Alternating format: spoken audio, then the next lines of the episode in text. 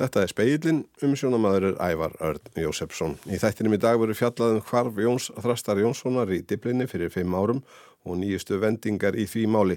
Við fjallum líka um sögulegar og sérlega floknar allsherjar kostningar í Indonésiu en við byrjum í Grindavík.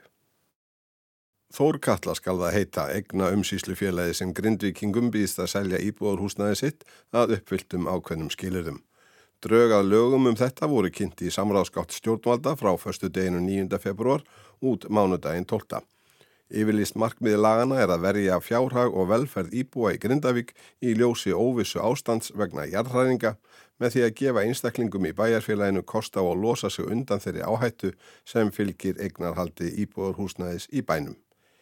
Yfir 300 umsagnir bárust um draugin, nær undantekningalust frá grindvikingum sem hafa ímislegt við þau að aðtuga. Það á sérstaklega við um fimm atriði og aðtúa semtir við þau likja sem rauður þráður í gegnum flestar umsagnir. Ég fekk Sigur Orra Hafþórsson, lögmann húsegandafélagsins, til að fara yfir þetta með mér. Tvö fyrstu atriðin eru nátengt og lúta annars vera skilirðin um að þau eini er rétt á að selja þórköllu eiksina sem áttu lögheimili Grindavík 10. novemberi fyrra þegar bærin var rýmdur en þó megi gera á þessu undantekningu. Hitt er að lögin gilda aðeins um einstaklinga en ekki lögaðila. Hið fyrirnemda segi Sigurður er vantarlega raukstutt með því að fólk með lögheimili annar staðar enn í Grindavík sé ekki í bráðum húsnæðisvanda vegna hanfarana. Fljótt á liti finnst mér að þetta sé ágætis markmið, frum markmið, eh, frumvarpsins lítur að vera það að, að gefa eigendum kost á að losa sig við óvissu, að þau geti aflað sér fér til að kaupa aðrar íbúðir á öðru svæði einhvers þar í, í nálaðu Grindavík eða, eða annar staðar.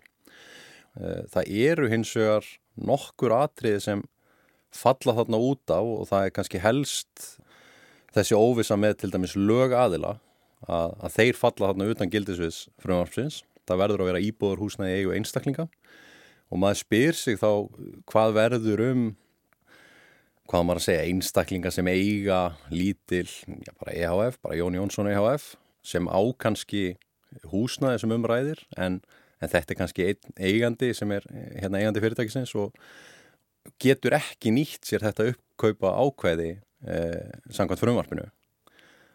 Hann er þá einhvern veginn verðfarin heldur en aðrir þó að hann hafi greitt sína skatta og skildur af eigninni alla tíð. Sama gildir um dánarbú, segir Sigurður. Það sem skráður eigandi er fallin frá en eftirlifandi maki sem jafnvel er meðeigandi hefur rétt til að búa áfram í húsinu sem er þó að hluta eða jafnvel öllu leiti í eigu dánarbúsins sem er lögaðili. Skiljanlegt sé að þessi tiltekna aðgerð stjórnvalda ná ekki til stóra lögaðila en það séu þeir ekki í brytni húsnæðistarf. En, en það er eins og ég segi sko að, að það eru þessi litlu frávik sem svona falla utan og spurning hvort að, að stjórnar eða þeir sem útbúa frumvarpið geta einhvern veginn gripi þá aðila með betri hætti, með einhvers konar undan þá eða fráviks heimildum í frumvarpinu.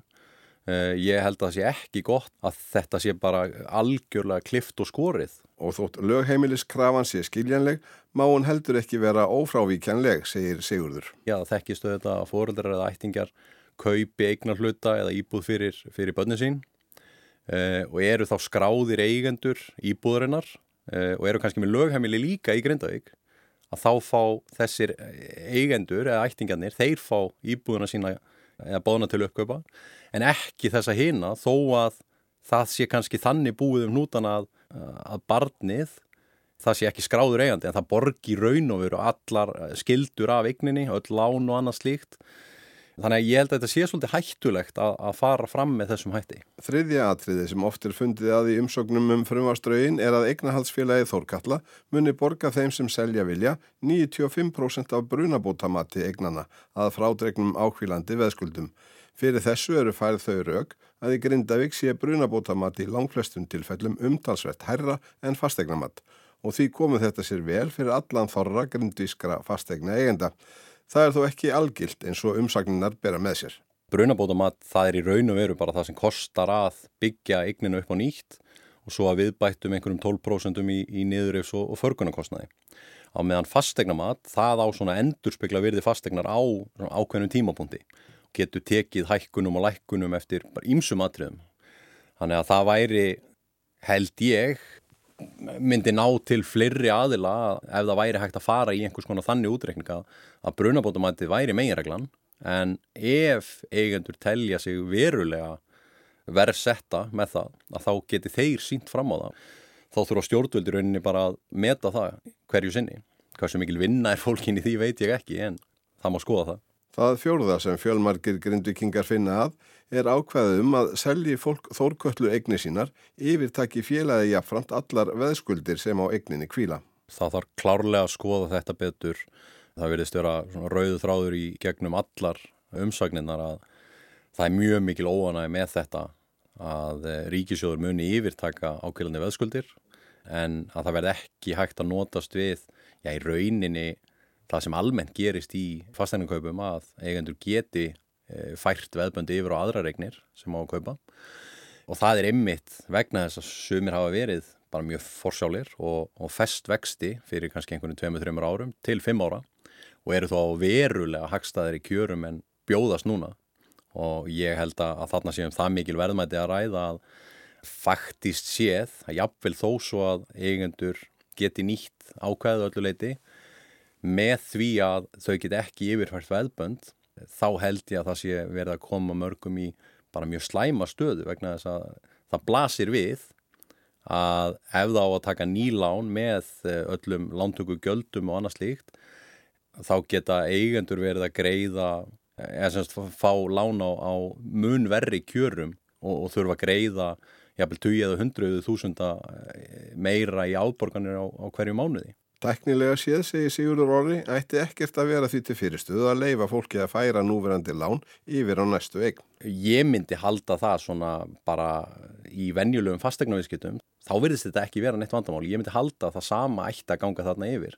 Að eigendur geti bara fært lánin sín yfir og ríkisjóður eða þórkalla greiði út bara þetta eigið fjöð að þennan hluta brunabótamatsins sem stendur eftir. Fymta atriði sem hvað flestir gerðu aðtöðsend við er að þótt íbúar sem velja að selja þórköllu fastegg sína hafi forkaupsrétt á henni þegar og ef hún verður seld áfram þá gildir sá réttur aðeins í tvö ár.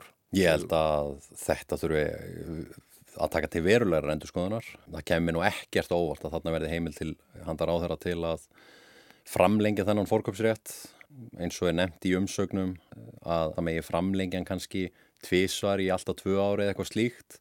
Við sjáum það með þess að í greinagerðin með frumvarpinu að það er alveg talað um að þetta verði sagt mælt í árum en ekki í mánuðum. Það er eins og þeir gera sér al algjöra grein fyrir því að þetta mun mögulega standa yfir lengur en til tveggja ára.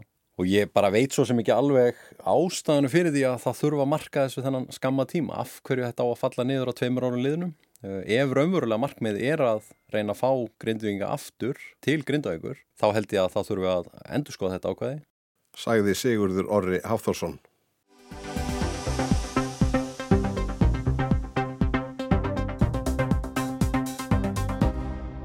Lögregla í Diblinni greindi frá því gæra tvö naflös bref hefðu borist með nýjum ábendingum sem tengjast kvarfi Jóns Þrastar Jónssonar í borginni fyrir fimm árum. Hún hefur gyrt af svæði í almenningskarði í borginni þar sem jarneskra leifa Jóns var leitað í gær.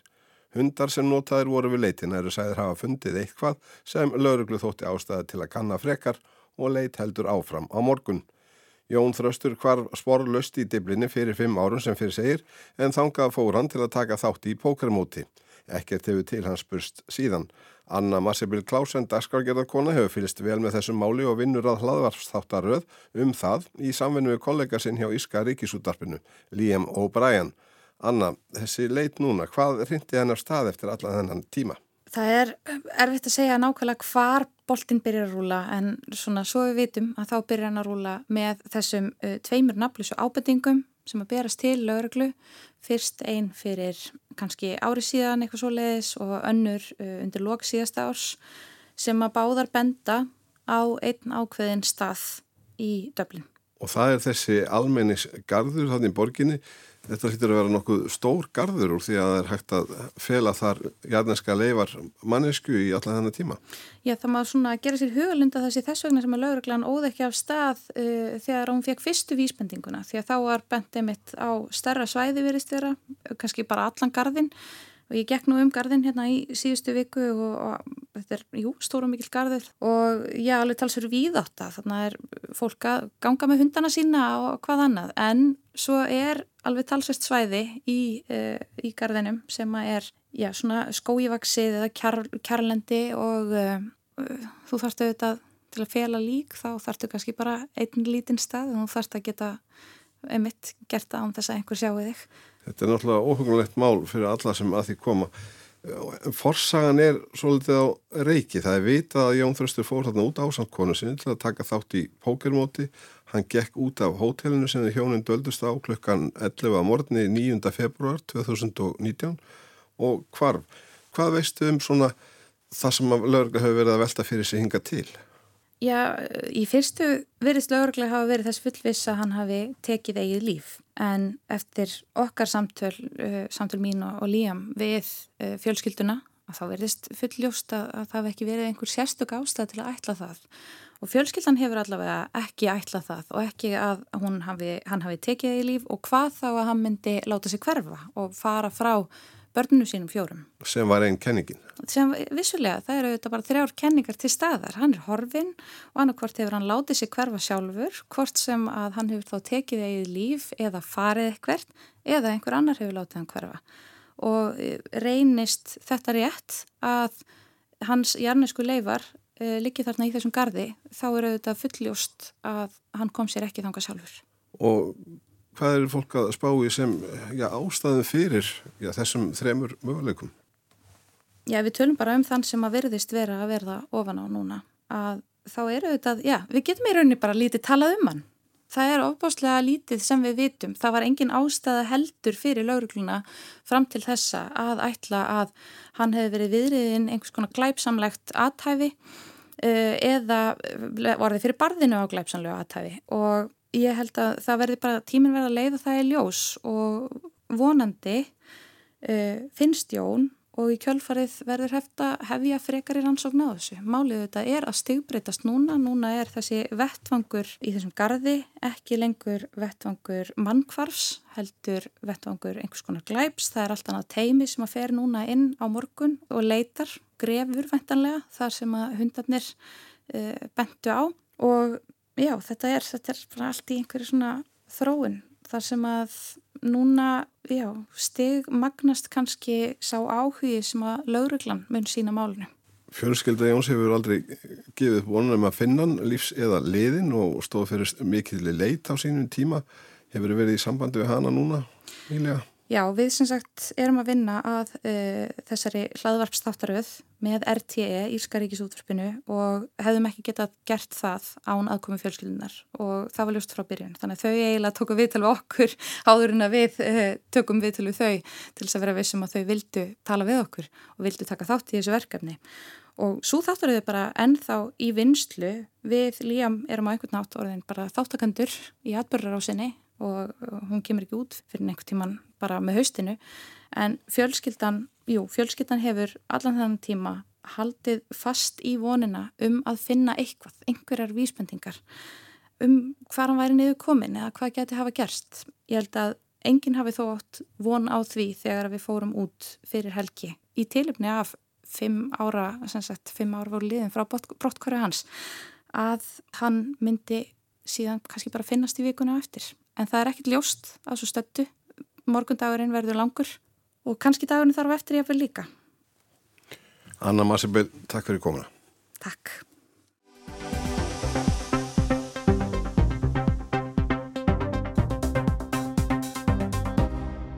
Prabowo Subianto, varnarmálar á þeirra Indonésiu og fyrfirandi hersöfðingi er svo gott sem örugur um að verða næsti fórsett til landsins. Endanleg niðurstaða verður ekki kynnt fyrir enn í næsta mánuði en svo kollur hraðtalning eftir fórsettakostningarnar í dag sínir að hann hafi tryggt sér meiri hluta atkvæða um það byrj 57% þannig að ekki þurfi að kjósa að nýju millir tveggja efstu. Skoðanakannanir að undanförnu síndu einnig að hann átti sigurinn vísan. Hraðtalningin hefur til þess að þótt sína nokkuð áreðanlega niðurstöðu fórsetakostningana. Auk þess að fórsetakostningar fóru fram í dag var einnig kosið til begja delta þingsins og hér að stjórna um allt land. Leithóa kjörið fær þó langmesta aðtikli. Joko Widodo hefur gengt ennbættinu síðustu tvö kjörtímabil. Samkvamt stjórnarskráni er honum óheimilt að bjóða sig fram í þriðja sinn. Auk Sobiantos voru tveir fyrirverendi ríkistjórar í kjöri, Andíðs Basvetan og Gandjar Pravonovovo. Haft hefur verið á orði að kostningarnar í dag hafi verið einar hennar floknustu sem emt hefur verið til í heiminum á einum og sama deginum. Indonesia er þriðja fjölmennasta líðræðisríki heims. Yfir 200 miljónir landsmanna frá 17 ára aldri skráðu sig á kjörskrá og greitu atkvæði á rumlega 800.000 kjörstöðum á 17.000 eigum landsins. Hver kjósandi fekk 5 kjörsæðla í hendur nema íbúar höfuðborgarinnar Jakarta sem fengu fjóra. Síðan greituður atkvæði með því að gata kjörsæðlana á réttum stað með nagla. Loks stimpluðu þeir sæðlana með fingrafari til að sanna að þeir hefðu greitt atkvæðin. Brabovo Subianto, hinn verðandi fórseti, er 72 árað aldri. Hann hóf afskipti af stjórnmálum fyrir tveimur áratugum þegar hann sótist eftir því að verða fórseta efni Golkarflokksins, flokks Suhartos fyrirverandi einræðisherra. Fimm árum síðar var hann vara fórseta efni Megavatis, Sukarno Putris en þeir náðu ekki kjöri. Eftir það bauðu Subianto sig tvívegis fram í fórsetakostningum gegn Joko Widodo en lauti lagra haldi í bæði skiptin. Hann sér loks árangur erfiðisins og sver ennbættis eða 20. oktober. Verðandi varafórseti Subiantos heitir Gibran Rakabuming Raka, fyrirverandi kaupsíslumadur sem sneri sér að stjórnmálum og hefur síðustu misserinn verið borgarstjóri í Surakarta á eigunni Jöfu, þeirri fjölmennustu í heimi. Svo skemmtilega vil til, eða þannig, að hann er elsti sonur Jókos Vídótos fráfarandi fórsetta. Búist hafiði verið við að Vídótó ætlaði að stýðja annan frambjóðanda í fórsetta en hann skipti um skoðun á 11. stundu. Haftur verið á orði að það hafi verið vegna þess að Súbjant og fjálst á að sonur fórsettans yrði vara fórsetta efni hans. Fyrir vikið hefur sá orðurómur fengið byrjundir báða vengi að Vídótó ætli sér að hafa áhrif áfram þótt hann gegni fórsetta ennbættinu ekki lengur. Að sögna frettamannsbereska ríkisútvarpsins í Indonésiu hugnast mörgum indónesum það ekki og óttast að frentegli fyrir ára sé á uppleið í landinu að nýju. Ferill Subiantos í hernum þykir ekki til fyrirmyndar. Í stjórnartíð Suhartos enræðis herra þótt hann einstaklega harður í horna taka og hefur verið sakaður um mannréttindabrót eftir að hann varð yfirmaður sérsveita hersins þar á meðal á austur tímor. Baráttu fólk fyrir líðræði fekk einni að kenna ósparta á harðiræði sérsveitana. Subianto var rekin úr hernum árið 1998. Honu var neitað um vegabrefs áriðum til bandaríkjana vegna mannréttindabróta og var landflóta í Jórdaníu um nokkura ára skeið. Hann hefur jafnan neitað öllum ásökunum um harðiðki og aldrei verið ákjærður. Subianto hefur á síðustu árum kappkostað við að endurbæta ímynd sína meðal annars með herrferð á samfélagsmiðlum. Þar hefur hann verið kynntur fyrir æsku landsins sem góðlindur afi en þess vandlega gætt að fela óviðfeldna fortíðans í hernum. Um það byrj helmingur Indonesa sem genguða kjörborðinu í dag var ekki fættur þegar valdatíð Suhartos enræðisherra laug. Þá er það talið hafa komið Subianto til góða að njóta stuðnings við Dódós fráfyrrandi fórsetta og hafa són hans sér við hlið. Allt er í óviss um hversu góður fórseti Subianto á eftir að reynast. Baróttu samtök fyrir líðræði og mannréttundum hafa varan á minnum þess slæma orðspors sem hann hefur á sér eftir þá hörku sem hann og sérsveitir hans beittu á árum áður. Það var Áskir Tómasson sem saði frá. Fleira er ekki í speklinum Tæknimaður var Magnús Þorstein Magnússon. Hægt er að hlusta á þáttinni spilar að rúf og helstu hlaðarpsveitum. Veriði sæl.